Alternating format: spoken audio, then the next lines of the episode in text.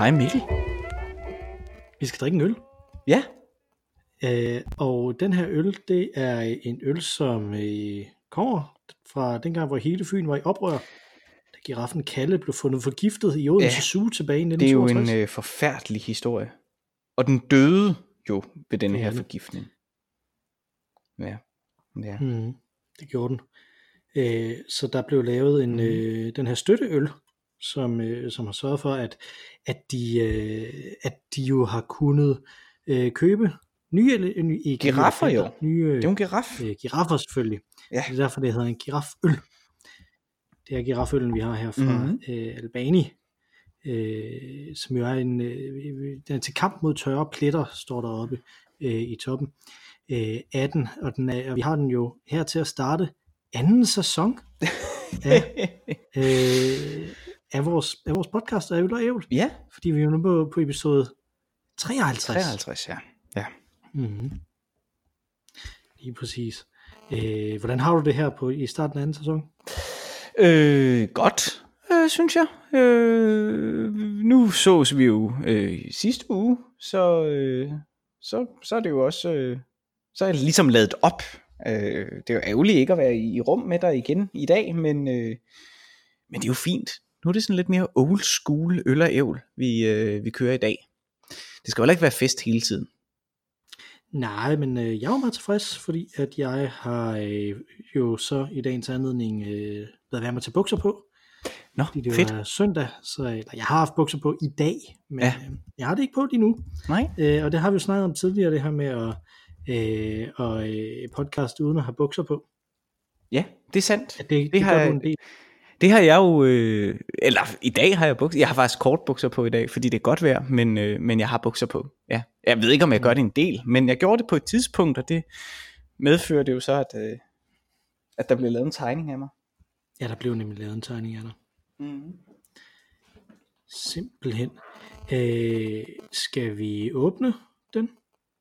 Ja, lad os det. Det er jo noget på dåse. Det er den.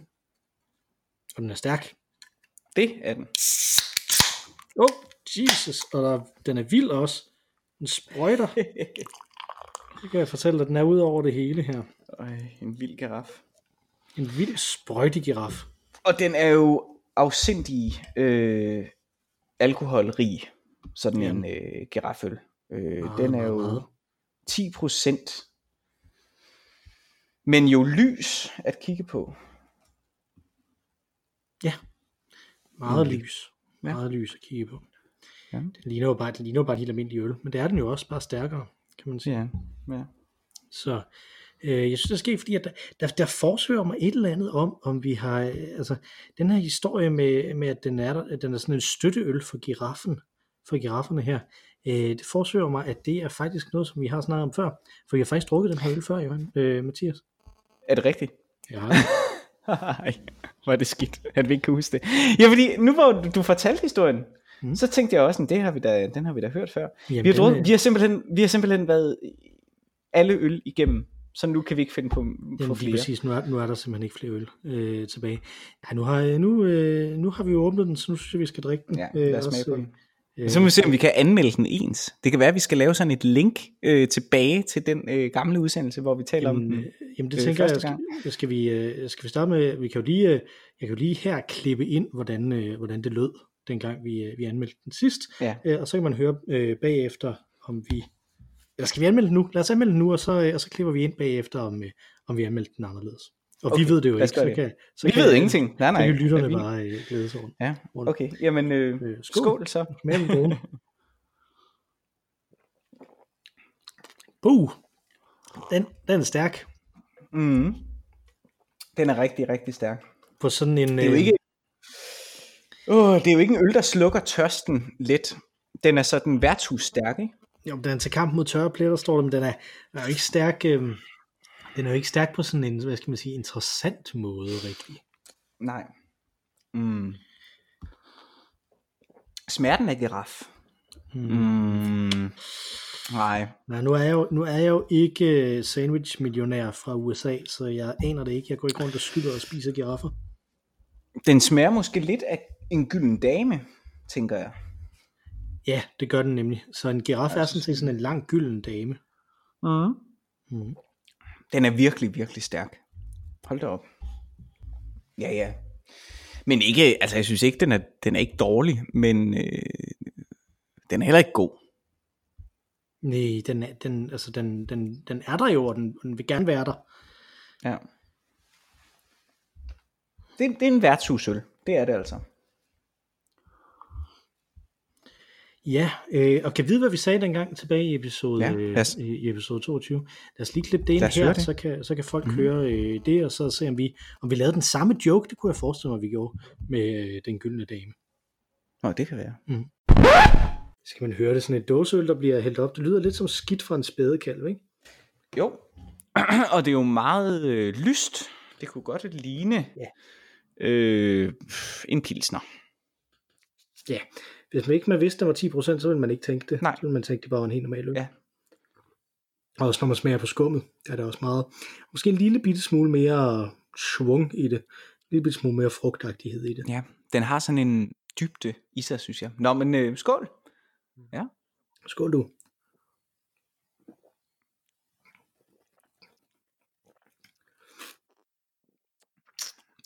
Og jeg synes godt, man kan smage 10%, Det kan man godt. Det kan man godt. og det er på Den den, der bider måde, lidt, som, den ja, giraf.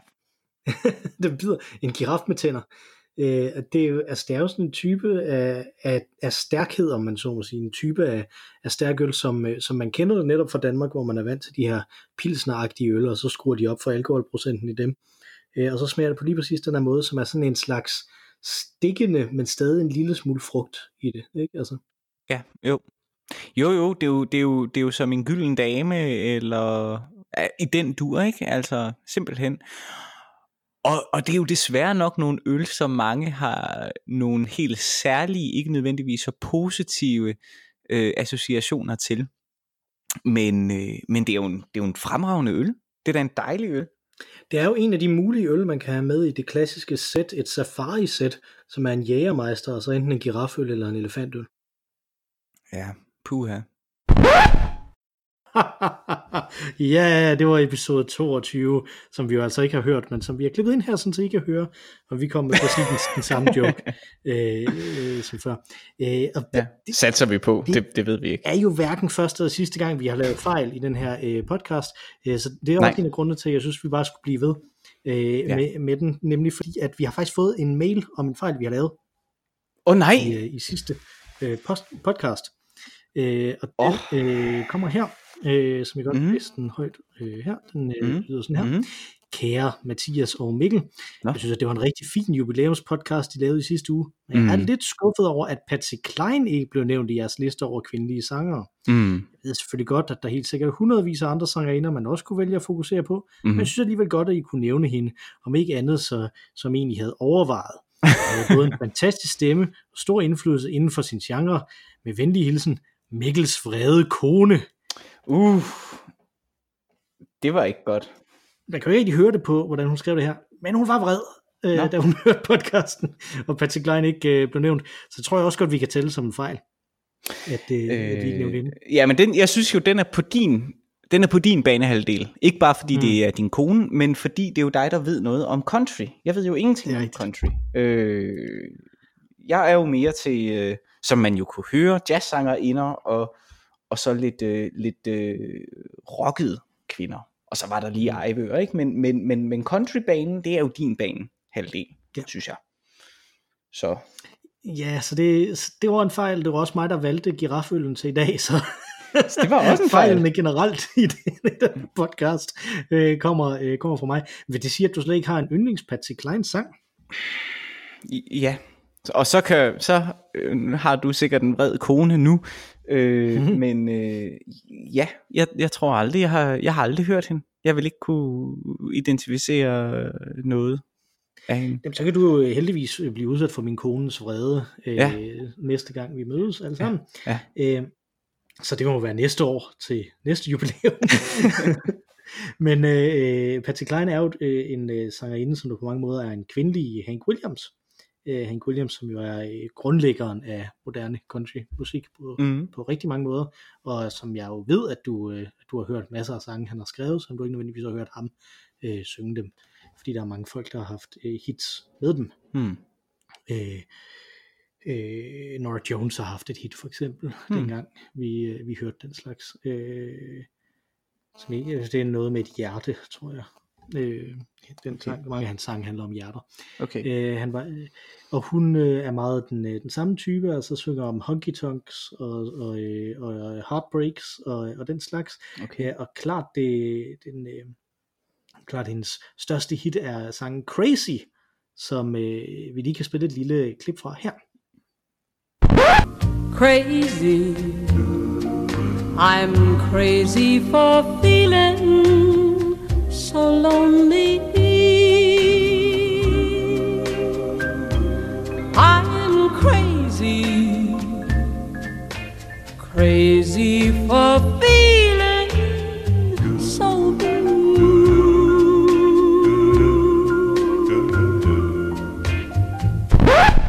Og det er jo en sang, som der også var en, øh, et hit for Willie Nelson, som jo er en klassisk øh, country sanger på alle mulige måder.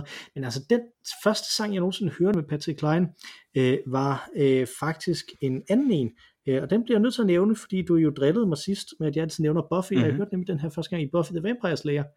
Øh, hvor i sidste afsnit af første sæson af Buffy the Vampire Slayer, der er Sander, øh, han øh, inviterer Buffy ud, og hun siger nej til at gå ud på date med ham. Mhm. Øh, jeg tror måske, det er endda det er sådan et skoledans, som jo er øh, det værste, den værste date at få sagt nej til, når man er amerikaner. Mhm. Øh, og der siger han de udødelige ord, øh, I'm gonna go home to myself, lie, up, lie in my room, and listen to country music, the music of pain. Mhm. Øh, og der synger, der hører han Patsy Klein øh, sangen, øh, som vi spiller et lille klip fra her, som hedder I Fall to Pieces. I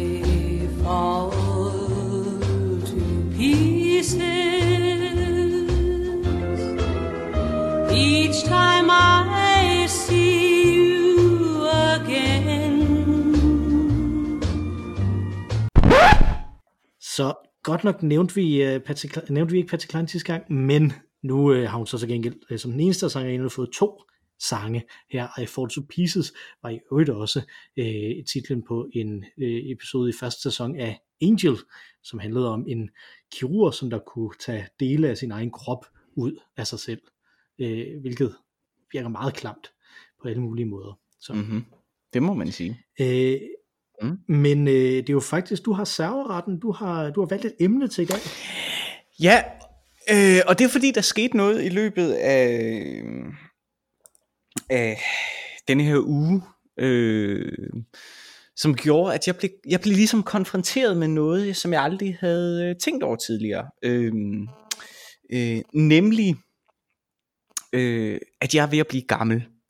Øh, normalt bliver jeg konfronteret med det modsatte, øh, og det gjorde jeg også i denne her uge. Øh, hvis jeg køber øh, en kop kaffe i 7-Eleven, så bliver jeg øh, en gang imellem spurgt om, om jeg har studiekort for eksempel. Øh, fordi så kan man åbenbart få det billigere. Jeg har også engang skulle vise ID for at, at købe en nisseøl i, i Rema. Øh, så det er sådan det, jeg er vant til at få at vide. Jeg har jo faktisk jeg har jo været i udlandet med dig, hvor du har skulle vise ID en gang. Jeg får købe en øl. Ja.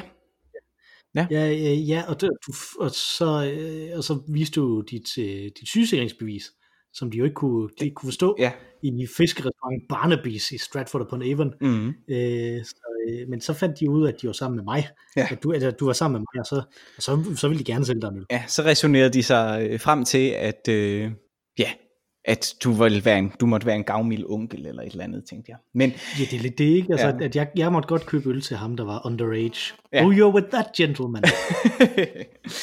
Nej, men der skete lidt det modsatte, nemlig at øh, jeg opdagede, at jeg er kommet i en alder, hvor at jeg er blevet øh, detached øh, fra, hvad øh, der er hipt blandt øh, de unge. Og de unge i det her tilfælde er min kones niece, som fyldte 8 øh, i den her weekend. Og vi var til, Tillykke. til, jo, tak, tak. Vi var til fødselsdag hos hende.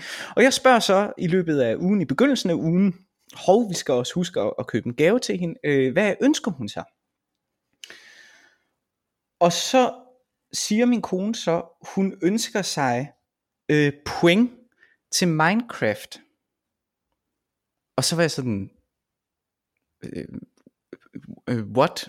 Ja, hun ønsker sig point til Minecraft, eller et eller andet andet spil, der hed noget i retning af Star Lock, eller noget i den stil.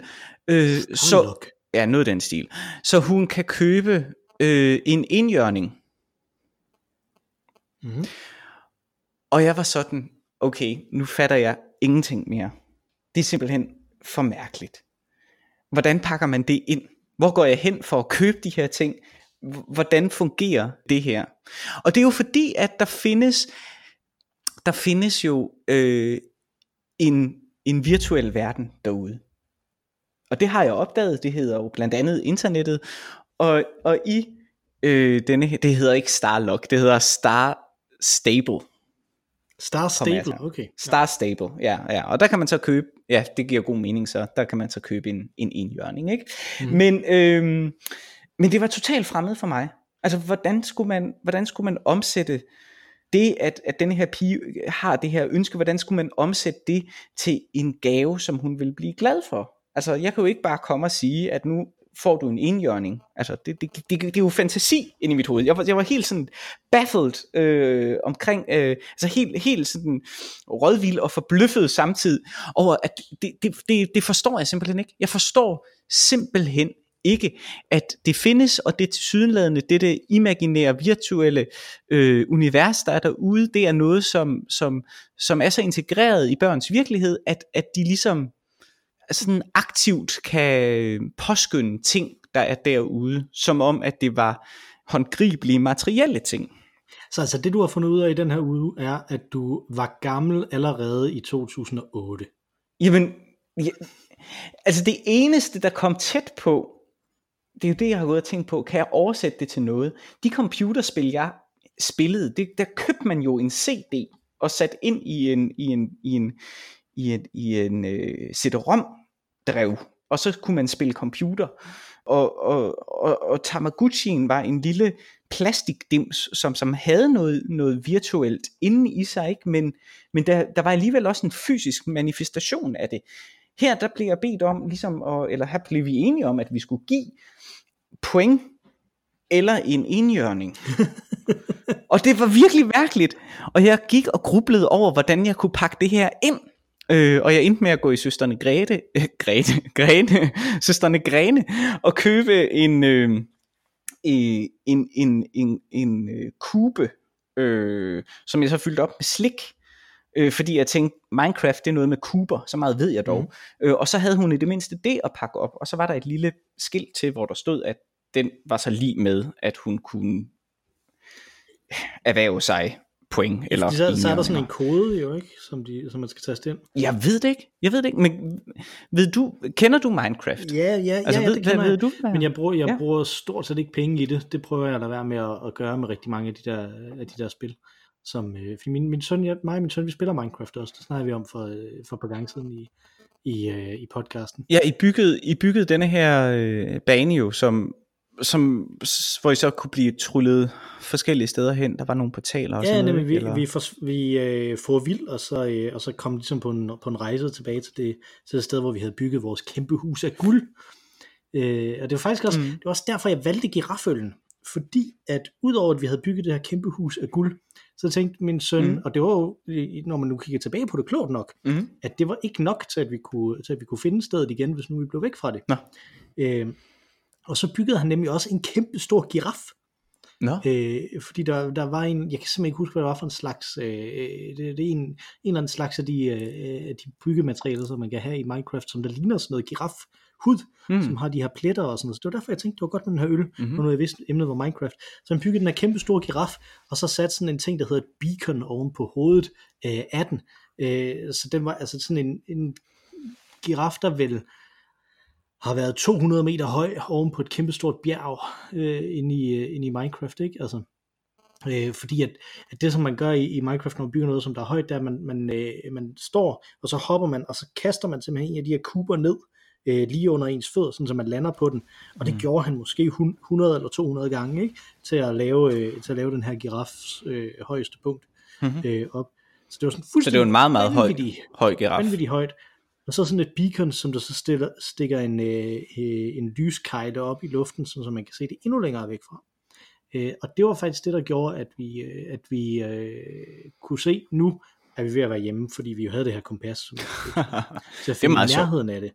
Så, så det var derfor, jeg valgte giraffølgen. Beklager, at det var en fejl, at vi, at vi havde haft den før. Men den Men det her med, Men med Ja. penge inden i Minecraft kender jeg ikke så godt til, men, men typisk så det man gør, det er jo, at man, at man får en, en kode, som man skal skrive ind et eller andet sted, og så får man så og så mange øh, penge, som man kan bruge Mm. på, øh, på forskellige ting. Og i Minecraft, der er det typisk det, man bruger det på, er skins, altså øh, at, at man kan klæde sig ud, inden man klæder sin figur ud, som forskellige ting, for eksempel nogle fra, fra Star Wars, eller, eller Mario skins, hvis man spiller det på Switch, eller, eller sådan nogle ting, ikke? så kan man købe det øh, derinde. Men, men det jeg tænker på Mikkel, fordi du er jo, det her det er jo right up your alley, ikke? Altså du er ligesom øh, rimelig godt øh, i synk med, øh, hvad der rører sig på, øh, på spil, øh, fladen derude, øh, og er noget mere velintegreret ud i øh, den øh, virtuelle verden, end, end jeg er.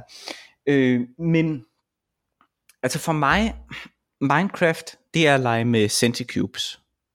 Øh, og, og, og købe de der ting, det er, er svart, altså er det, er det, er det, lige, er, det bare lige, er det bare en forlængelse af, hvad vi andre sad og legede med, da vi var børn, og nu foregår det hele bare digitalt, eller hvad, hvad, hvad, hvad er det for noget? Altså jeg forstår det simpelthen ikke. Det, det var... Øh, Jamen, jamen, jeg kan godt fortælle dig, hvor det kommer fra, fordi Minecraft ja. er, jo, er jo lidt, et, er jo lidt en, en, en spøjstørrelse, ikke? Altså Minecraft startede som sådan et projekt for en enkelt person, som der hedder Markus Persson, øh, og som er kendt under, øh, under sit online handle, der hedder Notch. Øh, Mhm. mm-hmm. Og øh, han lavede det som sådan en øh, early access ting, som man kunne, øh, som man ligesom kunne spille gratis, øh, og så øh, og så fordi at øh, så, så fordi at der var så mange, som der, som der gerne ville øh, spille det gratis, så, øh, så lavede han det om, så man så også kunne købe øh, det, i stedet for sådan, så man hurtigere fik adgang til, øh, til nogle, øh, til nogle øh, af, de, øh, af de opdateringer, som han lavede i det. mm, Øh, og øh, han lavede så de her opdateringer, øh, og der var nok, der købte det, til at han så kunne lave et, øh, et firma. Han er, han er svensker, det kan man høre på navnet, ikke? Persson. mm, Øh, og han lavede så et firma, som der hedder Mojang, mm, øh, som jeg altid udtalte Mojang i gamle dage, men jeg tror det hedder Mojang, fordi jeg er svensk, ikke? Øh, Ja. og, øh, øh, og det satte han så op, øh, og så udgav de så det her spil rent faktisk i øh, 2011, Mhm. øh, hvor de gik fra, øh, i løbet af 2011, der solgte de deres første million, og så et par måneder efter, så var de oppe på 2 millioner, og så oppe på 3 millioner et par måneder efter det, ikke? Altså, så der, Okay. altså, det solgte helt vildt meget. Jeg kan faktisk huske det, fordi at det var omtrent der, jeg, øh, jeg har en skummel fortid som YouTuber også, øh, hvor jeg anmeldte spil, Mm. øh, okay. sammen med nogle andre, hvor vi mødtes i sådan en redaktion, og så lavede vi vores, vores spilanmeldelser. Øh, det var dengang, hvor det, hvor det ikke var mm, hvor det var lidt sværere at lave sådan nogle videoer, Mm. ikke? Altså fordi vi skulle også lave det op til et niveau, hvor det kunne blive udsendt i fjernsynet. Det blev nemlig faktisk sendt på, på DK4 af alle steder. Øh, blev det sendt, det hed Game Test. Jeg tror stadig det findes. Øh, jeg er bare ikke med i det mere. Øh, nu er det garanteret nogle helt andre, nogle af dem, der var der sidst, udover øh, at redaktøren garanteret er den samme, Allan, som øh, arbejdede på medievidenskab på Aarhus Universitet, hvor vi lavede det. Øh, og der mødtes vi nemlig, og der spillede alle de andre, som var, øh, allerede på det tidspunkt var jeg ved at blive gammel, fordi jeg var færdig med min universitetsuddannelse, og de var alle sammen i gang med deres. Øh, og de spillede så Minecraft, og det var der, jeg ligesom så det øh, første gang tilbage i 2011. Øh, og man kunne altså have spillet det fra 2009, hvis nu man var virkelig øh, men øh, det der så skete, det var, at de lavede, øh, det blev så stort et hit, og det var på PC kun. Ja. Så lavede de en, øh, en udgave til mobil øh, platforme, hvor det oprindeligt vist bare var lidt, at de prøvede at få det til at være, øh, og se om de ikke kunne, Mhm. kunne gøre det, om de ikke kunne lave øh, det på en mobil platform, og det kunne de så godt, der var ikke så meget indhold. Øh, og så lavede de så til konsoller. Mm-hmm. Og konsoller er lidt specielle, fordi at konsoller, øh, hvis- og det er en Playstation eller en, eller en Mhm. mm. Xbox for eksempel, eller for den sags skyld en Nintendo mm. Switch, øh, er jo låste økosystemer, hvor øh, en PC er øh, fuldstændig åben, og, og altså, det kan være, at det bliver distribueret gennem et økosystem som Steam, som er, som er låst til en bestemt klient og den slags, men du kan også bare hente ting ned, og der kan man ligesom lave modifikationer, som man vil, og mm-hmm. den Mhm. slags øh, af, af, af spillet og udgive øh, det øh, så, meget man, så meget man vil. Det kan man ikke rigtigt, når det er på en Xbox eller en Playstation. Øh, og der skulle de jo så ligesom finde ud af en eller anden måde at engage et community på, og samtidig så øh, ved dem, som der har sådan nogle øh, som der har sådan nogle platforme, altså Sony eller Microsoft, som, var, som ejer henholdsvis Playstation og, øh, og Mhm. Xbox, de vil jo rigtig gerne tjene nogle flere penge også. De tjener typisk omkring 30% for hver ting, der bliver solgt øh, på øh, sådan et, øh, sådan et, på deres platform der. Øh, så derfor så blev der indført de her skins, som altså er, at man kan, at man kan købe, at man ser ud på en bestemt måde, øh, som, som for små penge, ikke? så kan man købe her er øh, et par dollars, og så kan jeg så være en masse forskellige figurer fra Star Wars mm. I det her. Fordi man spiller Minecraft Online, og man spiller det sammen med andre, typisk, øh, andre steder. Ikke? Og hvor er det så, du får Så- valuta for pengene? Det er jo der, jeg begynder at blive øh, på, på, på mange måder håbløs gammeldags jo. Øh, fordi jeg tænker, jamen der er jo ikke noget Ja. håndgribeligt i det der. Hvad nu hvis der er en men Hvad nu jo hvis din, øh, det er penge ud af vinduet for pokker? Men er det, Jeg kan, jo er, ikke, jeg, kan jo ikke gøre an, jeg kan jo ikke gøre andet end at sige til dig, at vi jo har snakket om Kai Bøjesen. Fordi hvad er det, du får ud af at have Kai Bøjesen-aben? Du får det ud af det, at du har den, sådan, så du kan vise den frem til folk. Og det er det samme her, at du udtrykker dig selv ved at, at købe noget, som du synes er lækkert, eller ved at købe noget, jeg kan godt lide Star Wars, derfor har jeg den her, jeg kan godt lide Stranger Things, derfor har jeg de her skins, jeg kan godt lide de her forskellige, øh, forskellige øh, øh ting, så derfor så viser jeg, at, øh, at, at, at jeg kan lide dem her, så viser jeg noget af min personlighed. Det er simpelthen, det er på så banalt et niveau, at det er, øh, de her andre har det her, jeg vil også gerne. Jeg vil også gerne være med. Men er vi så ikke over i, at det ligner måske lidt... Igen, jeg gav det her til en på 8, ikke? Øh, ligner det lidt jojoerne fra vores barndom, eller Pokémon-kortene, eller øh, øh, alle de her rollespilskort, som jo var vildt øh, populære. Altså sådan noget, som jo ikke havde nogen funktion. Den måde, vi spillede øh, med, med kort på øh, i min SFO, da jeg var lille, det var jo ikke, at vi faktisk spillede spillene, det handlede bare om at samle en masse, som man troede var sjældne. Lidt ligesom øh, de her redselsfulde stykke tyggegummi klistermærker. Øh, øh, det handlede bare om at have en, en, en fancy samling. Altså handler det bare om at, at flashe, at, altså at det er identitetsskabende, så at sige. Altså det, jeg synes det er godt, det, det, det er en ret god anal- analogi at have med de her øh, samlekort, Mm. som, øh, som man havde i gamle dage. Ikke? Fordi ja. det er noget, som der ikke har nogen værdi, udover at, øh, Det du tillægger at det. det har en værdi Ja. socialt. Ikke? Ja, Altså, lige præcis. det, har, øh, det har ikke altså, det, det bliver solgt for en højere værdi end produktionsværdien, ikke? Jo. Altså, øh, og, og den højere værdi kommer af, at, at, at der, er en, der er en social værdi af det. Man kan sige, der er i, øh, i computerspil og i virtuelle verdener, er der jo den, øh, den, den skillelinje, at der er nogle ting, man kan sælge, og nogle ting, man ikke kan sælge. Mm-hmm. Hvis du ikke sælge de her skins videre. Mhm. Øh, og, og, og det er jo også altså, det er jo sådan et filosofisk interessant spørgsmål, om man så i virkeligheden ejer de ting, man køber, Ja. og man ikke kan sælge dem videre, når Ja. man køber de her ting digitalt. Mhm. Og nogle ting kan man sælge videre, hvis du går til, øh, til sådan noget som, øh, som Counter-Strike, som øh, jeg jo ved, at alle i Danmark kender, Ja. fordi vi har et øh, internationalt, øh, rigtig imponerende, øh, godt øh, Counter-Strike hold i Astralis. Astralis. Øh, Øh, Jeg har faktisk set, jeg har faktisk været på sommerhus og set dem udkæmpe en turnering, og øh, det var Mhm. faktisk spændende. Ja. men det er nemlig, Mhm. men det er også, Counter-Strike er et af de spil, som, der, som det giver mening at kunne se, Mhm. om man så må sige. Ikke? I en, at det- social, I en social sammenhæng. Jeg var sammen med andre Nemlig. i det her sommerhus. og, og reglerne er så nemme at forstå, Ja. at, øh, at, det, at det giver mening at kunne se det. Problemet er, hvordan man visuelt fremstiller det, der sker jo. ikke. Altså det, det er der, der er en udfordring for Mhm. Counter-Strike. Mhm. Nå, anyway, det, er- nu, nu skal vi ikke nødvendigvis snakke e-sport, men uh, Counter-Strike har jo uh, også de her skins. Ja. Øh, og de har dem typisk ikke på, øh, de har også nogen på hele personer, men det som der virkelig er, øh, er skins på, er våbnene. Mhm. Altså på knivene og, og, og riflerne og pistolerne og den slags. Mhm. Øh, og, det er jo, og dem kan man nemlig sælge videre. Ikke officielt, men man kan gøre det øh, alligevel. Man kan, man kan sælge dem videre sådan på et sort marked, om man så må sige. Okay. Øh, og det kan man virkelig, virkelig tjene rigtig, rigtig mange penge på. Jeg faktisk havde jeg en kollega, som der fortalte mig om en, han, øh, han kendte, som der, øh, som der fik en eller, anden, en eller anden skin for en kniv i Counter-Strike, fordi han spillede det øh, for første gang i, i helt lang tid, og så fik han den der kniv, og så tænkte okay, den prøver jeg at sælge, og så solgte han den for 400 euro, Hold da op. det her, øh, det her skin. Øh, og det synes han var super godt, indtil han tjekkede, hvad det skin i øvrigt kostede andre steder, og han kunne have solgt det for over 2.000 euro. Hold da op. Øh, de her skins, og det er Og det nemlig en af rigtige de penge. diskussioner. Er det så rigtige penge? Eller er det, Det er penge, nemlig rigtige penge. der er Det lånt? er rigtige penge. Det er rigtigt. Man får de her ting, man køber dem ikke ind i det, man får dem random, men nogle af dem er mere sjældne end andre. Øh, man kan også købe øh, pakker derinde, tror jeg. Det, det kan jeg faktisk ikke huske, om man kan lige præcis i det. Men, Men det, er, det er jo faktisk det der der er jo det der er jo en til en identisk med de her øh, rollespilskort for eksempel, mm. eller samlekort fra, fra midt-90'erne, ikke? Altså, der købte man jo Lige også præcis. pakker, og nogle gange, out of the blue, så var der lige præcis det kort med Roberto Baggio, øh, som havde den højeste værdi i hele spillet, eller sådan noget i den stil, ikke? Øh, og det Mhm. er der jo nogen, der så valgte at sælge videre. Nogen valgte endda ikke at bryde emballagen, så det var rigtig høj værdi og sådan noget, ikke? Altså, Ja. øh, så det lyder som præcis det samme. Det er nemlig præcis det samme, ja. og det har faktisk været en udfordring hen over de sidste, øh, de sidste par år for, hvordan omverdenen vil, øh, vil forsøge at gøre noget ved det.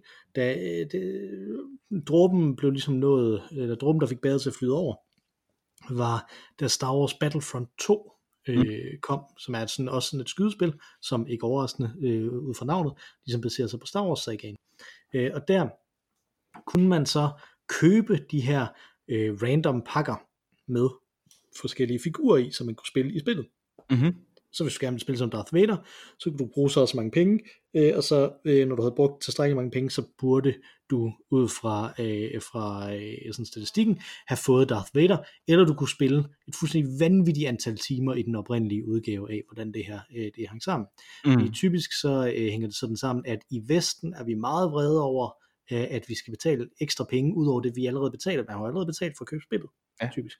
Ja. Øh, Udover det vi allerede betaler der, så øh, er vi meget vrede over, hvis vi øh, så også skal betale flere penge for at spille noget øh, inden øh, i spillet. ja. Medmindre vi, kan, medmindre vi kan spille os frem til det. Medmindre vi kan få det ved at spille os. Ja. Øh, og det kunne man godt der, men det vil bare tage øh, jeg ved ikke, to år, eller sådan et eller andet fuldstændig okay. åndssvagt, hvis man spillede 8 timer om dagen, eller sådan noget, ikke? for Okay. at være fuldstændig sikker på at få det her. Ja. Øh, fordi der var det her tilfældighedsting i det. Og det har faktisk fået øh, forskellige lande rundt omkring til at lovgive omkring det. Øh, og, og lovgive omkring, hvad man skal gøre i forhold til de her lootboxes, som det hedder, de her tilfældige, øh, de her tilfældige ting. Mm-hmm. Øh, der har været høringer i forskellige parlamenter. Det britiske parlament har for eksempel afholdt en høring, øh, hvor øh, Electronic Arts, som er dem, der har lavet Star Wars Battlefront, øh, to var inde og forsvare det som surprise mechanics. Okay. Øh, hvor øh, der, dem, som ligesom var øh, dem, der ligesom var lovgiverne der, de havde rent faktisk fundet ud af, hvad det handlede om, så de sagde, no, this is gambling, som, Okay. som, Jamen, som det er er det ikke. Ja. Og det var det der spørgsmål, er det her gambling, eller er det ikke gambling? Øh, og i Belgien er de ikke i tvivl, der har de rent faktisk forbudt det. Så der er en proces i gang med, om, om der skal harmoniseres på EU-området her. Øh, at, øh, at der simpelthen ikke kommer til at være lootboxes i EU. Det er en, øh, en reel mulighed. I USA og, og andre steder, i Kina for eksempel, der har man, øh, der har man allerede lavet lovgivning omkring det her, fordi at det er et diktatur, det går meget hurtigere. øh, og den lovgivning, som de har lavet der, det er, at der skal, øh, når man køber et eller andet, så skal man have oddsene for, og hvad man for, for hvad, og, altså, hvor, mange, hvor store er oddsene for, at jeg får det ud af det, som jeg gerne vil have. Det skal kunne fremgå. Ja, det. Ja, fordi altså det bringer mig til, den, jeg kunne se rigtig mange fordele i at give denne her gave. Jeg synes, det var meget, meget smukt på mange måder. Det var noget, som jeg absolut ikke forstod. Øh, men, øh, det var jo øh, vanvittigt bæredygtigt. Det kunne jeg jo godt lide.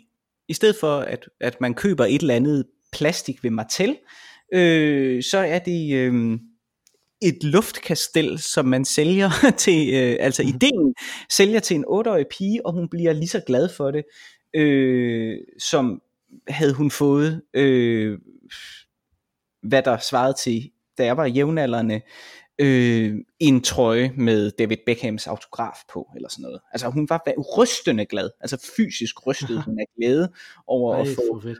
det var helt fantastisk. Og jeg fattede ikke en skid af det, men det var helt fantastisk. øh, men Du er nu klar til at blive forældre. ja, lige præcis. Øh, men, øh, men jeg synes, der ligger, Udover den enormt store øh, fordel i det, øh, at det er bæredygtigt på så mange måder, så, så ligger der jo noget, som jeg synes, der er skræmmende i det, nemlig det, at noget er rent virtuelt. Altså pengene, som, øh, det er jo ikke sådan, at jeg hæver 100 eller 200 kroner til hende og giver dem og siger, dem kan du bruge på det. Det er jo, altså det er jo bare penge er fiktive. Det er tal ind i et system. Og dem overfører jeg til et computerprogram, som ikke er styret af markedskræfter, men selv ligesom fastsætter værdien af, øh, hvor, hvor, hvor, hvor, hvor meget jeg kan få for de her penge. Ikke? Og kan jeg være sikker på programmet? Altså det er jo en verden, man køber sig ind i, hvor du ikke kontrollerer noget selv. Øh, øh, og, og, og det synes jeg er skræmmende. Altså jeg synes det, eller skræmmende, men jeg synes det, det er underligt det der med, Mm. øh, at udbyderen er den, der kontrollerer hele markedet øh, inden for den her fiktion. Og øh, ikke mindst, hvis der så samtidig foregår en, en, en bytten rundt derinde med rigtige penge, så, så har det lige pludselig, altså så er der en, en, en merkantil del af et børnespil, øh, som jeg synes sådan er på grænsen ren etisk.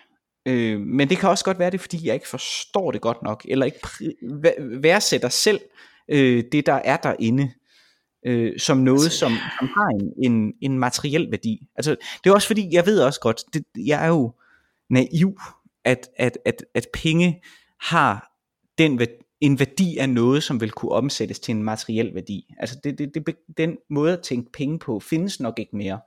Øhm, Og det gør den, men, men den er nok ikke rigtig. nej, det er det. øh, og, og omvendt, jeg kunne have købt en gave til den samme værdi, altså en fysisk gave, til den samme værdi, som det jeg gav øh, til hende, øh, den 8-årige her, ikke? Øh, som havde gjort hende mindre glad. Så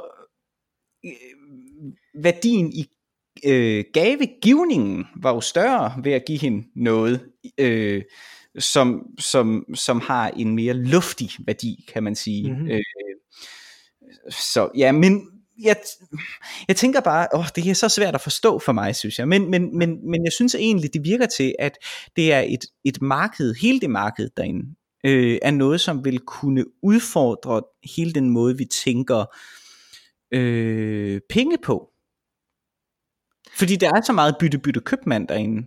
Jamen, der er det, der er det men der er også, der er også en anden ting, nemlig, nemlig øh, som du også selv peger på, ikke? Altså, det, det porøse ved, at det er virtuelt, altså, som, øh, som jeg jo i den grad kan genkende, fordi at der er ret, rigtig meget af min, øh, øh, af min filmsamling, som, øh, som ligger på, øh, øh, som ligger digitalt nu, ikke? som er ting, jeg har købt digitalt. Mm. Øh, og det, øh, altså, der har, jeg har brugt tusindvis af kroner på ting, der er digitale, som Ja. bare forsvinder, hvis, det, hvis den virksomhed forsvinder, eller hvis ja. den infrastruktur, som der, som der leverer det digitale, forsvinder. Ikke? Altså, mm. øh, så er jeg tilbage til at se det, jeg tilfældigvis har på DVD. Øh, jeg ejer jo ikke de her ting på samme måde. Øh, og det er noget, som der også øh, dukker op imellem. Nu, nu snakker vi om Men gør man ikke det? Gør man ikke det? Altså burde det ikke være sådan, at du kunne oplyse det til dit forsikringsselskab, som noget, der har en Åh, det var et godt spørgsmål. Det bliver interessant, når der er, et eller andet, når der er en eller anden stor ting, der, der virkelig krakker, øh, Ja. om, om man kan gøre det. Der, der er en eller anden år, jeg kan simpelthen ikke huske, hvad det er, men der er en, kan du huske, der var en overgang, hvor de solgte de her øh, DVD'er med en digital kopi Ja. øh, til? Øh, Ja. Der er en af de virksomheder, som, der, som distribuerede de her digitale kopier til DVD'er, øh, som der er gået ned og hjem for ikke så lang tid siden. Kan jeg vide, om der er nogle sager omkring det? Det var, det, kunne, det var faktisk ret interessant. Jeg ved simpelthen ikke øh, noget om det. Øh, så den anden ting, som jeg godt vil, øh, vil tage fat i med det, som du sagde, det er bæredygtigheden øh, Ja. i det. Øh, fordi at, at det, øh, der er to ting ved det. Den ene ting, det er, at vi, vi skal huske på, at det ikke bare er 100% bare super fedt øh, og, øh, og fint bæredygtigt, fordi at, at det jo faktisk netop, når der er det her digitale, faktisk er et fuldstændig hidden øh, øh, klimakost i det. Ikke? Mm. Der er nogle øh, servere, der kører. Internettet øh, forurener lige så meget som vores flytrafik. Mere end det endda, ja. tror jeg. Øh, så der er også noget af det, som vi ligesom skal, øh, skal, skal prøve at huske på. Men der, hvor der virkelig er en bæredygtighedsforskel, det er i forhold til, øh, jeg kan jo se det med min, med min egen søn, som får, nogle, øh, som får noget legetøj, som han bare bliver super vanvittigt glad for, og er rigtig glad for i et år, eller sådan noget. Ikke? Ja, ja, øh, og ja. han gør det samme med nogle, med nogle digitale ting, som han har. Det kan han også bruge timer på, ikke? Altså, som jeg, mm. som jeg bruger penge på, øh, på til ham. Men de her plastikting, som der bliver købt til ham, øh, ligger jo så bare bagefter. Øh, ja. Og bliver kun relevante for ham, hvis jeg spørger ham, skal du stadig bruge den her? Ja, siger han så. Og han har jo ikke brugt det i et år. Og så er det bare sådan, og han kan, han kan sidde og se der på, på øh, hans, hans lille søster har nu fået nogle af de ting, som han havde, da han var baby. Øh, og nu vil han pludselig gerne lege med dem, efter at have været fuldstændig uinteresseret i dem i fire år. Ikke? Altså, øh, og nu er, det, øh, nu er det frygteligt, fordi nu kan han se det. Men, det, men han vil have glemt det totalt.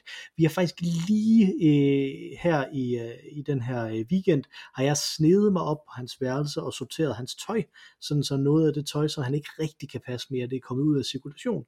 Øh, og hvis jeg havde spurgt ham, vil du gerne gemme det her, så ville han have gemt det hele, selvom Ja. ja. han ikke kan passe det. Ikke? Ja. Øh, og det kan jeg godt forstå, for jeg vil også gerne gemme det hele. Fordi jeg har en eller anden nostalgisk tanke omkring, åh, oh, den her, den købte jeg til ham der, eller uh, han så Ja. ja. så sød ud i det her, eller sådan noget. Ikke? Ja. Altså, og den ting, den ting er svær at have på samme måde med noget, der er rent digitalt. En af mine kolleger samler på spil, øh, og har sindssyge mængder af fysiske kopier af, øh, af computerspil. Ikke? Mm. Øh, og han har, været, han har haft virkelig svært ved, at- ved at lave skiftet over til at være primært digital. Mm. Mm. Øh, øh, og det er, med, det er faktisk med den seneste, nu har jeg nævnt Switchen et par gange, den seneste Nintendo-konsol, øh, som Mm. jeg i øvrigt øh, i den grad kan anbefale alle at købe, en fremragende konsol. Øh, den, øh, det var den, der knækkede ham, fordi at der har de lavet hele deres loyalitetsprogram om, om også, sådan, så det simpelthen er væsentligt dyrere at købe det øh, fysisk, end at købe det digitalt. Men der ligger, noget- der ligger noget, som vi ikke skal snakke om nu her, men øh, som er øh, en æstetik. Øh, nu nævner jeg det lige hurtigt. Det er den, æstetik, ja. den æstetik-teoretiske øh, oplevelsesøkonomiske øh, side af det her. Og det, jeg tror, jeg har nævnt det ganske kort tidligere, da Carlsberg øh, gik over til plastikflasker, og folk synes øllen smagte dårligere, mm. Øh, fordi de ikke øh, klinkede. Og det er jo fordi, at det var en, en langt større oplevelses... Øh, øh, at det var en total oplevelse at drikke en øl. Det var ikke bare at drikke indholdet af en flaske, men det var også, hvad man drak det af, og hvordan det, man drak det af, lød og så videre. Ikke? Ja. Øh, og vi bliver jo stadig ramt af det. Vi bliver jo ramt af, ja, det gør jeg i hvert fald, glæden ved at sætte en CD på. Der er jo ingen diskussion om, at CD'er, det er jo compact disk. Det er en væsentligt dårligere lydoplevelse end for eksempel LP'er. LP'ens comeback var ikke så overraskende. Men jeg vil stadig hellere øh, høre musik på en CD. Hvis jeg skal høre et album, et fuldt album, så vil jeg hellere høre det på en CD, end jeg vil høre det øh, på min Spotify-konto. Mm. Øh, fordi der er noget lækkert i at have det fysisk. Det er det samme med bøger. Det er det samme med DVD-film. Jeg skatter min DVD-film utrolig højt. Øh, og hvis der er DVD-film, som jeg virkelig holder af, som jeg har set så mange gange, at de er ved at, at knække, sådan er det for eksempel med min Fraser-samling efterhånden, mm. øh, så vil jeg hellere købe en ny Fraser-samling fysisk, end at købe det øh, digitalt. Og det er måske et forsikringsspørgsmål dybt inde i min underbevidsthed.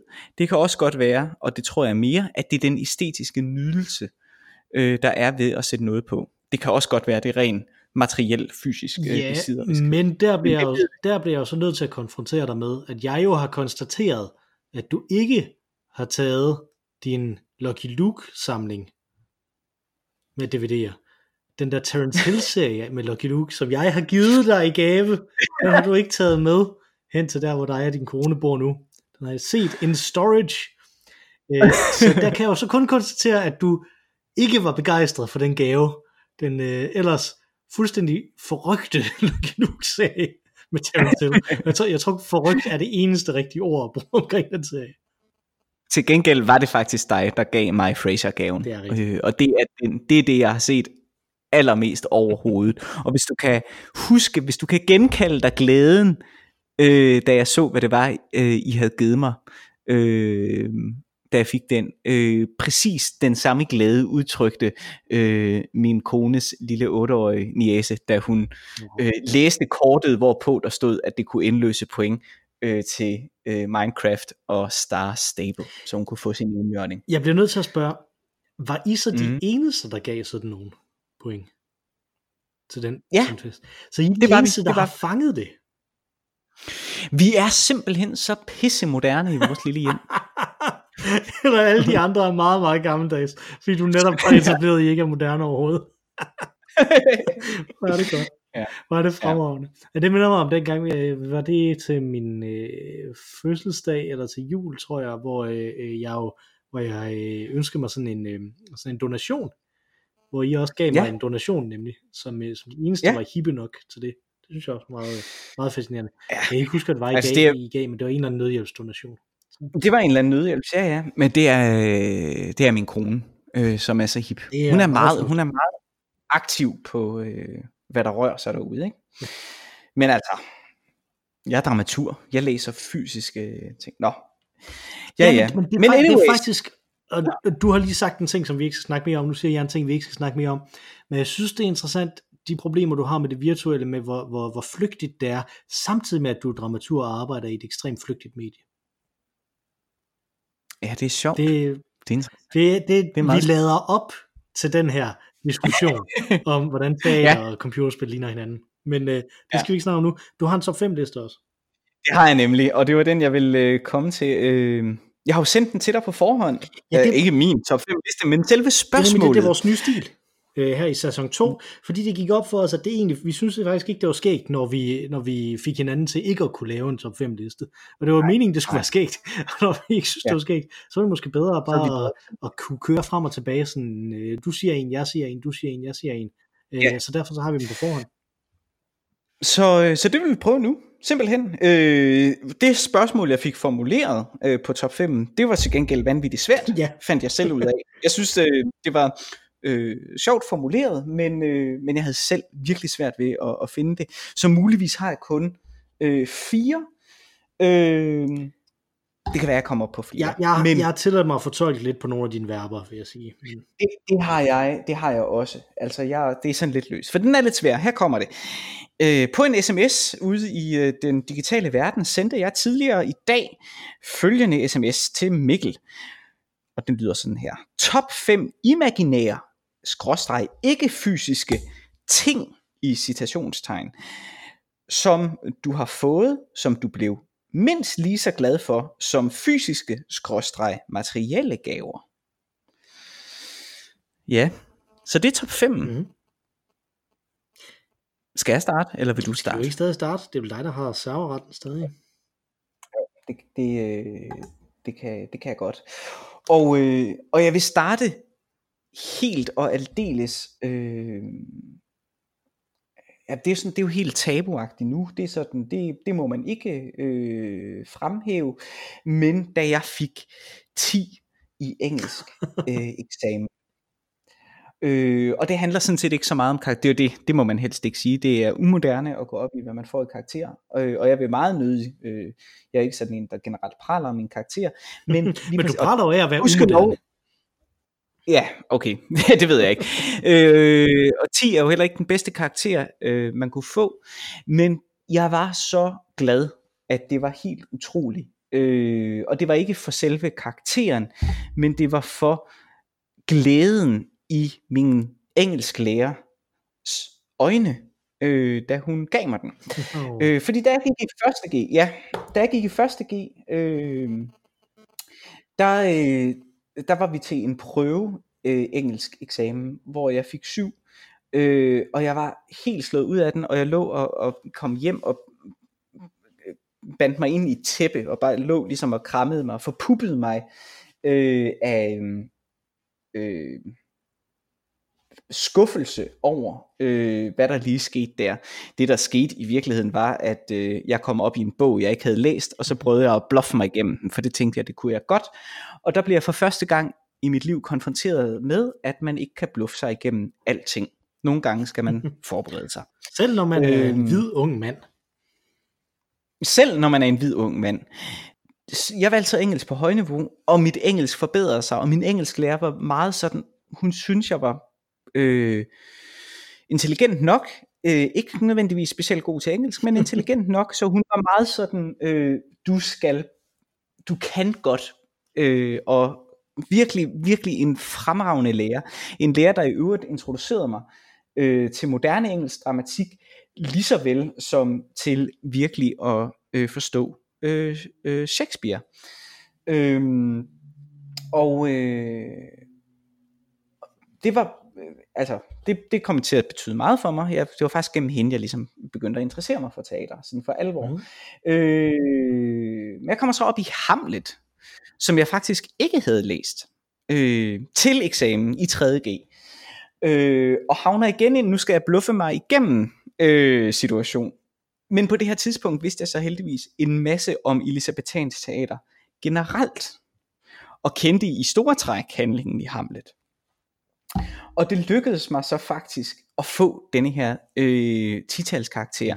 Og jeg var frygtelig nervøs. Det var det næst sidste fag, jeg var oppe i til min øh, studentereksamen. Jeg var frygtelig, frygtelig nervøs. Og hun kommer ud og sender de her øh, smilende øjne. Og det øjeblik, den øh, glæde i hendes øjne smittede af på mig. Det øjeblik, det var, øh, det var virkelig, virkelig øh, stort og gjorde mig glad og gjorde mig lettet. Hun behøvede ikke at sige noget. I det øh, vidste jeg, at øh, det var lykkedes mig at, at bluffe mig igennem min engelske eksamen. Ej, det var næsten, det var næsten smukt. Jeg, jeg har aldrig nogensinde været nervøs til en af mine egne eksamener. Jeg har kun været nervøs til mine studerendes eksamener. Øh, eller faktisk ja. til mine elevers eksamener, fordi jeg har faktisk ikke været nervøs til og til den allerførste, de allerførste eksamener, jeg havde med folk på videregående uddannelser, var jeg nervøs. Men, øh, men til, øh, jeg har jo engang undervist i religion på en HF. Øh, og der lavede Mhm. jeg faktisk lige præcis det, som du lige snakker om. Nemlig at øh, jeg lavede sådan en, en, øh, en prøveeksamen, hvor øh, en af de absolut bedste øh, elever, der rakte hånden op og gerne ville være øh, til den her prøveeksamen. Øh, og jeg havde jo aldrig prøvet at lave eksamen i det her før heller, så, så det var sådan lidt. Øh, og så kom jeg jo faktisk til at slagte hende lidt foran alle de andre, øh, nej. og hun fik en væsentlig lavere karakter end hun selv, og nogle af de andre på nogen måde havde, øh, havde regnet med, hun skulle, øh, hun skulle have. Øh, øh, og det, øh, det har jeg så sidenhen faktisk fået at vide fra en af de andre øh, elever, at det var virkelig noget, som der samlede klassen i, at de vidste, nu var det alvorligt. Så nu skulle de rent faktisk gøre Nå. noget. Så pædagogisk var det enormt Okay. klogt, og det var fuldstændig absolut ikke med vilje. Jeg tror, jeg lød som om, det var med vilje for ham, han fortalte mig det. Ja. Øh, øh, og Ja. hun gik jo så også op og fik øh, 12, faktisk, hvis jeg husker rigtigt. Nå. Øh, fordi hun var Så hun dygtig. Øh, så, det var, ja. så Ja. det var rigtig fint. Så på den måde endte det jo lykkeligt, men det var virkelig... Øh, det var, øh, jeg, det, det, den eksamen, som jeg havde der, der kampsvedte jeg hele vejen igennem. Øh, og det synes jeg er ret syret. Ikke? Hele dagen. Ja, hele dagen. Altså, jeg tror, vi havde Hold den over to dage. Den første dag, der kampsvedte jeg hele vejen igennem. Den anden dag, der var jeg rolig. Ej. Øh, Ja. Så og det gik jo ikke glimrende. Så øh, folk fik de karakterer, de skulle have selvfølgelig. Så jeg havde en rigtig god sensor. Så, øh, som jeg godt kunne sige. Det, det er også sådan en ting, ikke, når man sidder der og eksaminator og sensor, kan man sige til sensor, hvad man kan og hvad man ikke kan, eller hvordan skal det være, ikke? Altså, fordi det betyder Mm. typisk ret meget for, hvordan øh, studerende eller elever bliver modtaget inde i de her, øh, inde i de her øh, rum. Så, Ja. øh, så det kommer jo lidt an på, hvordan man vurderer den situation. Mm. Nå, det var din første. Det var min første, ja. Min øh, første er, og jeg har jo haft lidt svært ved det, det her med, at ting er blevet givet til mig. Det er, det er en ting, som, som nogen vil mene, at jeg har fortjent. Øh, Okay. Fordi at det er nemlig et trophy. Ved du, hvad et trophy er? Øh, ja, det hedder jo, det er jo trofæ Ja, på dansk. ja men, men, men, men, men i den, når man siger trophy, nu er vi jo, vi snakker om computerspil tidligere, ikke? Altså, når man snakker Nå, om det okay. i computerspil sammenhæng, så er det, hvis man gør bestemte ting i spil på Playstation, så får man trophies, så får man, du har gjort det her, du har slået så og så mange øh, af, de, af den her slags fjender ud, eller du har bygget så og så stort et hus, eller sådan noget i den stil. Øh, og øh, tidligere øh, i år har jeg fået Be Greater Trophyet fra Marvel Spider-Man spillet til PlayStation 4, som betyder, Og det betyder, at du skal være bedre. betyder, at jeg skal være bedre, men det betyder også, at øh, jeg har gjort alt, man kunne i det spil. Jeg har fået alle de forskellige udmærkelser, man kunne få i det spil, og gennemført det øh, 100%, som man siger, i, øh, altså, øh, okay. i det her. Og det er noget, jeg ikke har gjort siden øh, Super Mario World fra 1993. Så er det det første spil, jeg nogensinde har gjort det øh, med siden dengang. Så det var rigtig, rigtig stort for mig at få den her ting, som ikke har nogen som helst betydning overhovedet. Udover at det er nogle øh, ligegyldige opgaver, jeg har gennemført øh, i det her. Øh, den mest timer har du brugt? Den mest idiotiske opgave, som jeg har, øh, som jeg har øh, gennemført i det, det er, øh, man, man, skal, man skal gennemføre alle sidemissionerne, og en af sidemissionerne er, at der, man spiller Spider-Man, ikke overraskende i det her spil, øh, og, så, øh, og man svinger sig rundt igennem New York, igennem Manhattans øh, og så møder man en af ens øh, gamle venner, som der øh, har brevduer, men alle hans brevduer er blevet væk, så skal man svæve rundt, flyve, sådan flyve rundt, og så finde de her brevduer, jagte dem, og få fat i dem, og få dem tilbage til ham.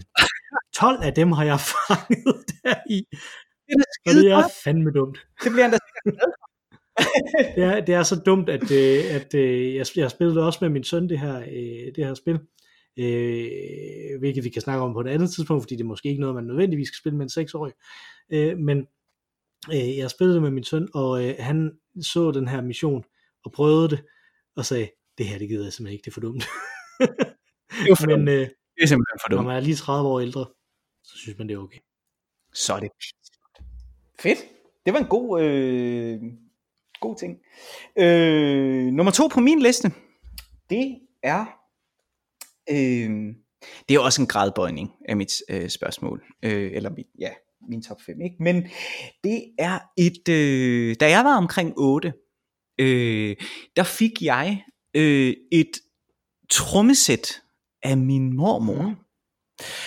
Øh, og med det mener jeg, at øh, jeg fik nogle gamle øh, småkagedåser og en, øh, en øh, malerspand, som var vendt på hovedet, og så to pinde, øh, som jeg så arrangerede til et trommesæt. Og det var det bedste legetøj ever. Øh, og så øh, hver fredag, så blev jeg passet af min mormor. Min morfar var lige død på det her tidspunkt. Øh, så jeg måtte, øh, jeg kunne ligesom fylde lige så meget stuen, som jeg ville. Og så sad hun på en stol og sang sange, mens jeg så arrangerede de her småkagedåser og, og de her pinde øh, og denne her øh, øh, spand øh, sådan rundt omkring på møblerne, og så kunne jeg ligesom rende og tromme til. Og det var evigt morsomt, at hun så sad der. Ja, altså ja, det var virkelig, virkelig, virkelig sjovt. Og for mig var det jo et trommesæt, og vi gav koncerter. Altså jeg var virkelig indlevet i denne her fiktion, øh, mm. som vi havde.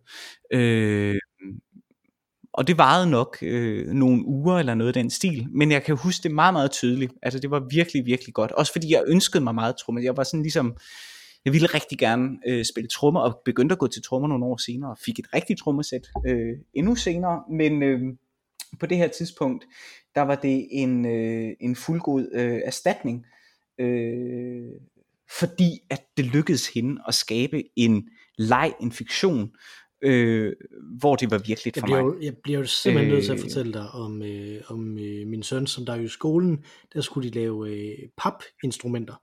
Og alle de andre ja. i skolen lavede guitar, men han lavede trommer. Åh, oh, det lyder godt. Sådan. Det er jeg glad for at høre. Det var din nummer to. Øh, min nummer to, Det var min nummer to.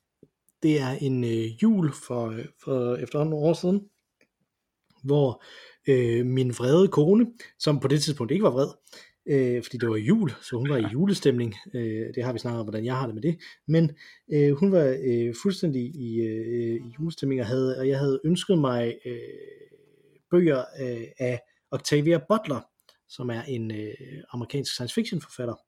Ja, hun var en amerikansk science fiction forfatter, jeg er ret overbevist. Jeg mener øh, helt sikkert, hun er død, øh, før jeg vidste, hun fandtes. Øh, og der fik jeg så øh, af min kone øh, hendes klasse, Octavia Butlers klassiske værk Kindred, men jeg fik den ikke i fysisk, jeg fik den på øh, Kindle. Øh, og jeg har jo øh, en Kindle, Øh, og det er jo frygteligt på rigtig mange måder, fordi Amazon er jo et ondskabsfuldt firma på rigtig mange måder, øh, og det er dem, der, som der har lavet øh, Kindlen. Men man kan sige det på den måde, at jeg har en Kindle fra dengang, hvor Amazon stadig var lidt scrappy. Jeg har nemlig sådan en Kindle, som der ikke har en touchskærm, men som har sådan nogle knapper, man trykker på, som er utrolig gammel. Så gammel, at det hylster, jeg har til den, er ved at være fuldstændig slidt op af, at jeg har, øh, at jeg har brugt den og bladret i den. Øh, og så nogle, hvor det virkelig, hvor det virkelig virker som om, at det er et øh, primitivt forsøg på at lave en digital bog. Ikke? Altså, øh, på samme måde som man kan se de der, øh, sådan så fremtiden ud i 50'erne, så det her også sådan så fremtiden ud i 0'erne. Ikke? Altså, at det var sådan, man forestillede sig, at, øh, at digitale bøger ville se ud øh, i, for, i forhold til senere. Øh, og sådan en ting som det, at jeg har den bog, og den kan jeg sådan set, den bog fra, som jeg har fået af min kone, den kan jeg sådan set læse hvor som helst, og det at hun kunne, hun kunne få den på en måde, som, øh, som var nem for hende at give, fordi at, øh, at det var, øh, mens vi stadig, øh, mens vi havde vores, øh, vores søn, som der var lille, og vi havde ikke så meget, meget tid og sådan noget, hun behøvede ikke at gå ud og tænke over, åh, jeg skulle huske at købe det og sådan noget. Hun kunne sådan set have købt det dagen før, hvis det skulle være og så har printet den her kode ud. Ikke? Øh, sådan nogle ting gør, øh, at, øh, at det gør mig faktisk gladere, end, øh, end hvis jeg havde fået den som bog. Øh, og det er ikke sådan, det er med alle ting, med alle bøger, vil jeg godt understrege. Øh, nogle gange er det væsentligt vigtigere at have de her øh, bøger fysisk, end det er at have dem, øh, end det er at have dem digitalt. Øh, jeg har nemlig faktisk en gang, der fik jeg øh, Platon, øh, som vi jo elsker, øh, nogle af Platons dialoger, der er nyoversat for ikke så frygtelig lang tid siden til dansk, fik jeg dem på, øh, på dansk i julegave også, øh, og blev så, øh, dem, øh, de blev så faktisk brugt, de her øh, bøger, som en fodskammel til min, øh, til min kones farmor øh, senere på aftenen, fordi hun øh, øh, fik frygtelige kramper i benene på det tidspunkt. Så, øh, og det kunne man jo ikke gøre, hvis det var digitalt. Øh, men lige præcis med den her, der passede det ekstremt godt for mig, fordi det var en science fiction bog, øh, og det var, øh, og det var noget, som der på en eller anden måde var, var, var tættere på noget, som der som der stimulerede mit hoved end mit hjerte. Og på den måde, så giver det måske mening. Ja. Det er jo en fremragende øh, bog, Kindred, som øh, går direkte i hjertet. Så den vil jeg anbefale folk at læse, om de tænker med hovedet. Nummer tre på min liste, det er, øh, der var jo en, altså, der var en risiko for, kan man sige, øh, øh, at blive frygtelig sentimental i dette her, fordi det er jo sådan, de bløde værdier måske, medmindre det er over i computerverdenen, så er sådan noget jo øh, de bløde øh, værdier. Der er masser ting, af bløde altså, værdier, når det er øh, computerspil også. Og Platon jo. Platon som fodskammel, det, der, det, det bliver da ikke mere ømt og øh, kært. Så bøger, det tror jeg. Jo, det vil man aldrig, aldrig gøre med Aristoteles. Nej, de er ikke lige så Nå, tykke, men, øh, Nej, det er nemlig det, de er alt for små. Men øh, nej, øh, det næste, det er virkelig, øh, ja, det, det er meget, meget sukkersødt, men det var noget, der betød rigtig meget for mig, fordi det er jo øh, en af de største ting, man kan opleve, det er øh, øh, følelsen af, at man er en del af en meget, meget eksklusiv klub. Og øh, nummer tre på min liste, det er øh, selvfølgelig nyheden, men også øh, stoltheden, hvis der er noget, der hedder det, øh, over at være den første, øh, der blev ringet til, øh, da nyheden om, at min søster var øh, gravid med sit første barn, skulle brydes. Det var en, øh, det, det, det var, det var virkelig, virkelig en, en stor øh, ting, som, øh, som jeg satte meget pris på. Så mere er der simpelthen ikke at sige om det, andet end at det gjorde mig meget, meget glad. Ja, jeg, jeg var lidt bange for, at når du nu sagde, at det var en eksklusiv klub, at det så ville være sådan noget som The Mile High Club, eller sådan noget. Det, øh, synes jeg. Ja, det var meget mere sødt. det, er, det ikke, er, det, er det ikke en fy, det vil være en fysisk manifestation til mig.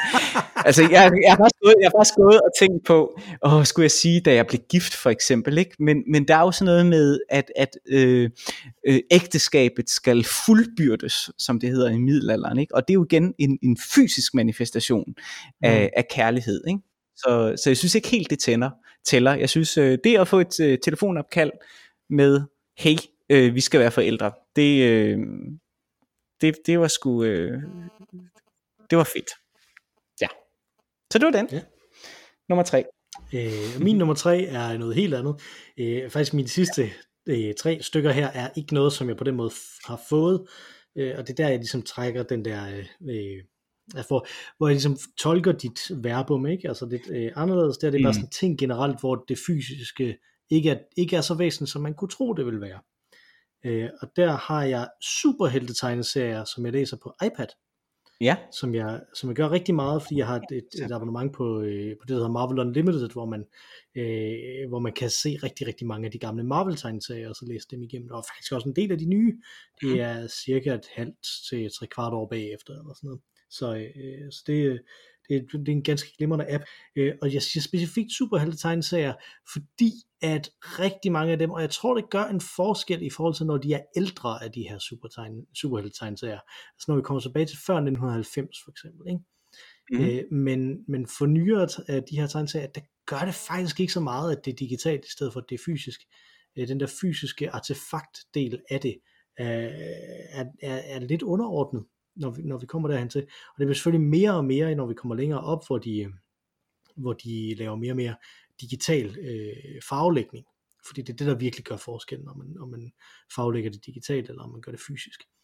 Øh, i, i, I forhold til, om der, om der er en rigtig stor forskel på, om det er noget, der er printet ud eller ej. Ikke? Altså, Mm. når det, når det er de her ting. Og så er superheltetegneserier bare stilistisk lavet på en måde, hvor det egentlig fungerer ret godt, når det er digitalt.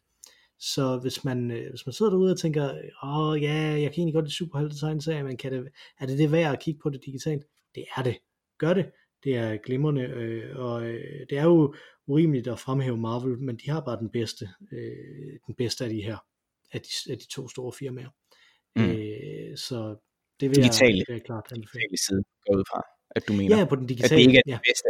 Ja, ja, ja. Nej, nej, det, det, det bølger sgu frem og tilbage, hvad der er det bedste, om det er Marvel eller DC, altså, øh, og så er der jo masser af personlig smag også, ikke? Altså, der er ingen tvivl om, min yndlings superhelt nogensinde, det er Superman, men, øh, øh, men derfor så behøver alt, der er lavet Superman, med Superman, øh, nogensinde jo ikke være godt, det er det absolut ikke, øh, men sådan kan man sige om alt muligt andet, ikke? Altså, der er eddermame også meget dårlig Marvel, øh, men man kan læse det gode på den her øh, app, øh, og så er der jo der er en tilsvarende DC Universe, til, øh, ting, som jeg bare ikke er sikker på findes i Danmark.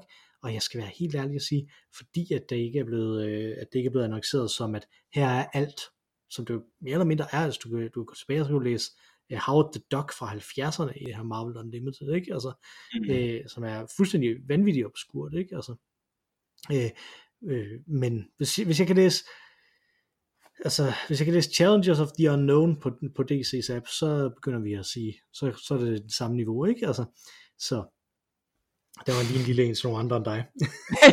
jeg sidder også og tænker, hvor, hvor, hvor, hvor, hvorfor har jeg ikke lige fortalt dig, at jeg ikke fatter noget som helst? Nej, er det her superhelthold fra 50'erne? Det, øh. Nå, nå. Ja, ja. Nå, men, men, men i øvrigt, uh, se Teen Titans Go to the Movies, hvis, uh, hvis man vil Mm. vide mere om dem. Okay. Nå, de er nummer 4. Fedt. Jamen, øh, min nummer 4, den, øh, det, og det er min sidste i øvrigt, øh, der fortsætter jeg med at svælge rundt i øh, de bløde værdier, kan man sige.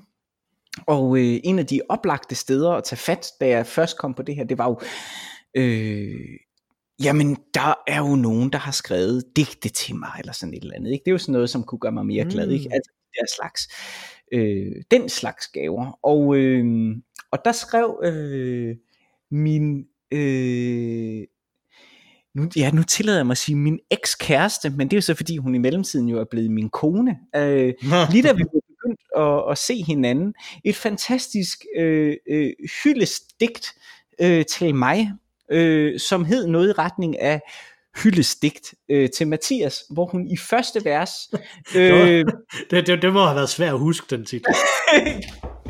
Noget i retning af, ja. Øh, men øh, hvor hun i første vers øh, laver øh, et fuldstændig fantastisk øh, lille ordspil, hvor at hun kalder mig en Bertolt prægtig herre, og det synes jeg er morsomt. Ja, det er sgu sjovt. Det Ja, det er vildt. rigtigt. Det er godt. Det er Det godt. er hvid. Og der var, det er jo, det er du jo rose din kone for. det er, det er virkelig hvid og vittigt. Øh, og jeg var jo solgt. Hun vidste, hvis man skulle imponere mig, øh, så skulle man jo have brægt en over. Og, øh, og nu hvor du har fuldstændig skamligt øh, kastet øh, Buffy the Vampire Slayer ind i denne podcast, er jo igen nødt til at fremhæve Bertolt Brecht. Det er jo, øh, det, er jo det, vi har en deal om, hvad jeg lige vil sige. Øh, så sådan er det. Nummer 4 på Det er, min også, liste. det, det, det er jo også omtrent øh, samme niveau af sådan kulturel betydning. Bertolt Brecht og the Vampire. Ja. lad, os, øh, lad os sige det. Vil du ikke røre med en ildtang?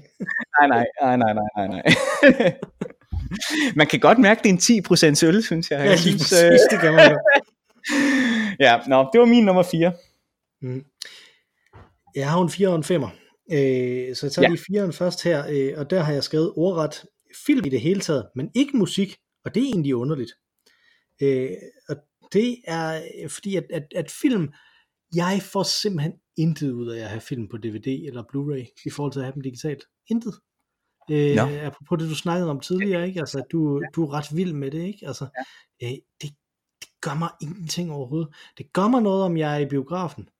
Men der er et eller andet sted inde i mit hoved, som, er, som, er, som siger, at det er lidt underligt, fordi at så mange biografer mm. er digitale nu, ikke? Altså, at der ikke engang er den der film, som der kører. At, at så er det sgu lidt anderledes, ikke? Men, men der er der jo Ja. en fysisk manifestation af en film. Ja, i gamle dage. Men I gamle dage når jeg, en altså, når jeg sidder og skal se den, Men det synes jeg ikke, der er. Ja, men det synes jeg jo ikke, ja, der i er gamle dage var der. Altså, det, jeg, der er bedre lyd Mm. i biograf. Det er det. Mm. Mm. Det er øh, Men altså, for mig er det bare mere irriterende, at jeg skal, at jeg skal sætte det på, og igennem nogle menuer og sådan nogle ting, i stedet for at kunne trykke, og så køre det. Altså, det gør virkelig ikke, øh, det gør ikke nogen forskel øh, for mig. Det, det er faktisk bare rarere, at det, at det er der. Men jeg tror, der er en forskel på, om jeg ser noget på en streaming service. Okay, fordi det noget, skulle jeg lige til, det skulle jeg faktisk lige til at, at spørge dig om. Bliver du aldrig irriteret på dit internet? Så. Nej, det gør jeg ikke, fordi at, øh, at mit internet fungerer okay. på mit fjernsyn. Så. Hmm. Jeg, jeg er faktisk, apropos vi snakker om de der tegneserier lige før, indimellem, når jeg er ovenpå øh, herhjemme, som er, som er langt væk fra min internetrouter, øh, så er jeg lidt irriteret på, mit, øh, på mine tegneserier, fordi at øh, nu roste jeg Marvel Unlimited skyerne før, appen er super ringe til at, at buffer og, og, og indhente Mm. de her tegneserier, Mm. så indimellem så jeg bare give op, hvis jeg er ovenpå. Og det er ikke så godt, fordi det er, hvis jeg skal læse, inden jeg skal i seng og sådan Mm. noget, ikke? Så. Øh, det der er under i det, er- det, det, er jo det med musik, ikke? Altså, at det synes jeg faktisk, jeg synes det, det at jeg kan streame musik, og jeg kan lave de her playlister og den, øh, og den slags, synes jeg er meget, øh, er meget rart. Vi har jo ikke lavet en playlist for, øh, for alle de øh, for alle de Den kan man sange, finde på Spotify. i, øh, i, i vores ting. Den finde på Spotify, man kan finde den via Twitter også, øh, og jeg lægger den, øh, jeg, har, jeg lægger den ind i, i shownoterne også øh, til sidste gang, og jeg lægger dem ind den her gang også, sådan så man kan, øh, sådan så man kan gå ind og kigge der, og der tilføjer jeg selvfølgelig de her to Mm. Patsy Klein sange, vi nu har, øh, øh, har, har spillet også. Øh, men, men udover det, så, så synes jeg faktisk det, at jeg streamer musik, har gjort mit forhold til musik mere billigt. Altså, der er ikke den der samme fornemmelse af, at man har købt et album, og nu, er man, nu skal man høre Nej, men det, hører du det så? Det, Ja, jamen, det var det, jeg fordi synes, jeg har tabt noget der. jeg hører det ringere. Altså, da jeg købte, og det kræver, mm. altså, det kræver også, øh, at albummet har en kvalitet, der berettiger det. Men det er der jo nogen, der har. Altså, hvis man hører øh, Way Back Abbey Road, for eksempel. Det er jo et album, der er skabt til, at du hører det fra ende til anden, for eksempel, ikke? Hvor der er alle de her medley-sange. Mm. Øh, en af de gange, at jeg virkelig stiftede bekendtskab med det, det var da øh, Tim Christensen lavede sit andet singlealbum, som jeg ikke engang kan huske, hvad hedder. Det hedder måske Secrets on Parade, eller sådan noget. Men hvor hele albummet øh, hænger sammen. Øh, og jeg nævnte sidste gang øh, Beyoncé-albummet Lemonade, øh, som, som jeg jo kaldte Marmalade, men, men Lemonade, øh, Jeg vil ikke, Nej, nej. jeg vil ikke Nej, have nej. sagt det. men, men, men det, det album øh, er også et album, som man bare skal, skal høre fra ende til anden. Altså det skal man bare. Øh, og når man har fat mm. i de der øh, de der albums, så, øh, så er det bare fedt at have en fy, et fysisk øh, eksemplar af det. synes jeg. Men jeg synes, det er sket nu, nu hvor du netop nævner øh, vores, vores sidste episode her igen også, ikke? Altså, så, øh, så fik vi jo etableret, at det er mig, der ved mest om moderne musik og os to, hvilket er skræmmende. Men øh, det, som, der, som jeg så en, der pointerede, så øh, folk er vrede over, at, øh, at musik nu er anderledes og bliver distribueret anderledes, men troede de, at, altså tror folk, at, at, at musik bare ligesom naturligt passede ind på de her LP-længder fra gamle dage. Nej, selvfølgelig gjorde det ikke det. Og det er jo sådan set det samme nu, ikke? Altså, hvis man hører mere moderne musik, så bliver det, så bliver det jo lavet til, Ja, at det ja. er meningen, det skal streames. Altså, øh, og, og, og, det er jo det, der er lidt interessant også, altså, at, øh, at, øh, at, at der faktisk er rigtig meget musik, som der fungerer rigtig godt som streaming, men fordi at du og jeg, vi er sådan nogle lidt gamle røvhuller i forhold til det her, ikke? Så, så husker vi den her album tankegang, som der også er nogle kunstnere, der husker, som du netop siger, Beyoncé er jo ikke et gammelt røvhul, vel? Hun er jo, hun er jo moderne og, og, og nutidig, men arbejder stadig inden for Jo, jo, album jo, jo. tankegangen, ikke? Altså, øh, som, som jo i den grad er noget, som der formede, øh, som formede musikken fra Men det er jo også, der er midt-60'erne, også den forskel, at det er lidt mediet, der dikterer det nu. At, at Beyoncé stadig har en, en album-tankegang, peger på, at kunstnerne skal forholde sig til mediet. Det er vigtigt at huske, at det var omvendt oprindeligt. LP'en har den længde, en LP har, fordi det var den længde, det tog at spille en, øh, en Beethoven-symfoni. Nå, okay. Så oprindeligt var det altså vendt rundt. Musikken dikterede LP'ens format. Ja. Det kan man jo godt sige, men så kan man jo så på den anden side også sige, er det rimeligt, at en Beethoven-symfoni skal, skal diktere, hvor meget en R&B-kunstner har? Til at, til Og gøre godt med. Mm, vi kan ikke lave diskussioner inde i top 5. Nej, det må vi ikke. men, øh, men nu er den lagt op til lytterne, Men så kan de, interessant. Jeg har jo jeg har, jo, jeg har nummer 5 også, øh, som, jo, som, som, som rigtig meget spiller på den der med, at, at det er bedre kan lide det, det imaginære, end det, der rent faktisk fysisk og materielt kom. Øh, og min øh, nummer 5 er kommunisme. og så kan vi lige lade den stå, ikke? Har du fået drukket din øl, Mathias? Det har jeg. Og den, var, øh, den virkede. Om ikke andet, så virker en giraf. Ja, det var en længere øl, det var en længere episode, for det var også en længere øl, men det var en længere episode, end vi, øh, end vi ja. lavede op til, Ja, op til slutningen af sidste sæson. Øh, men det er jo så også en gentagelse af en øl. Det er jo ikke fordi, at vi regner med at, at kaste os ud i nu, og, øh, øh, og bare øh, drikke til samme øl igen. Vi har, øh, vi har en del øl, som vi ikke har drukket før, som er på programmet fremadrettet. Vi havde simpelthen glemt det. De havde simpelthen glemt det. glemt det. Men det er også sådan lidt, det er lidt fordi, så meget har ændret sig. Vi er i sæson 2, vi ændrer øh, top 5 formatet, vi øh, ændrer ikke så meget andet, men så, Nej. øh, så er det meget godt at have noget at holde fast i. Som, øh, så her var en historie om, om giraføllen, som, øh, som I allerede havde hørt, øh, og en vurdering af den. Og øh, hvis man gerne vil foreslå andre øl, som vi skal drikke, vi har nogen på programmet, men hvis man gerne vil foreslå nogen, som vi ikke har drukket endnu, fordi det kan man jo ikke regne med, at vi selv finder ud af, så kan man skrive til os på olugavl.gmail.com, øh, ligesom min kone har gjort med den glimrende rettelse, øh, hvor vi nu har Patsy Klein med i vores pantheon af øh, fantastiske kvindelige sangerinder. Der må man selvfølgelig også gerne blive ved med at foreslå nogen, så putter vi dem ind i... Det ville være super fedt, hvis vi havde en bagkatalog af virkelig store kvindelige sangerinder. Så skriv endelig ind med... Øh, øh, Ja. Flere af dem. Altså, øh, og, og så øh, Ja. spiller vi et lille klip eller to i, øh, i podcasten, og så lægger jeg dem på, øh, på listen, sådan, så det ligesom kan vokse inde på Spotify som en, øh, som en liste. Det må man gerne, hvis man har lyst. Øh, og man kan også komme med forslag til top 5 lister, eller, øh, eller vores... Øh, eller vores emner. Der kan godt være lidt forsinkelse i det, fordi vi nu skal, skal fortælle hinanden om det inden, hvad for nogle emner og top 5 lister vi har. Øh, men vi, det er igen altså på ologavl.gmail.com. Man kan også tweete til os på snabelag ologavl, øh, eller man kan øh, lægge en anmeldelse et eller andet sted. Dem ser vi godt nok ikke, men vi er meget glade for dem. Øh, og man kan i, med fordel lave en femstjernet, eller fem, hvad nu end der er, på ens podcast øh, app øh, anmeldelse, sådan så andre folk de også får lejlighed for til at se os gennem algoritmen, eller man kan bare gå ud og anbefale det til en ven, enten direkte eller gennem sociale medier, som jeg hører er stort lige for tiden. Øh, tak for denne gang, Mathias. tak for denne gang, Mikkel. Take it away, Ma Rainey.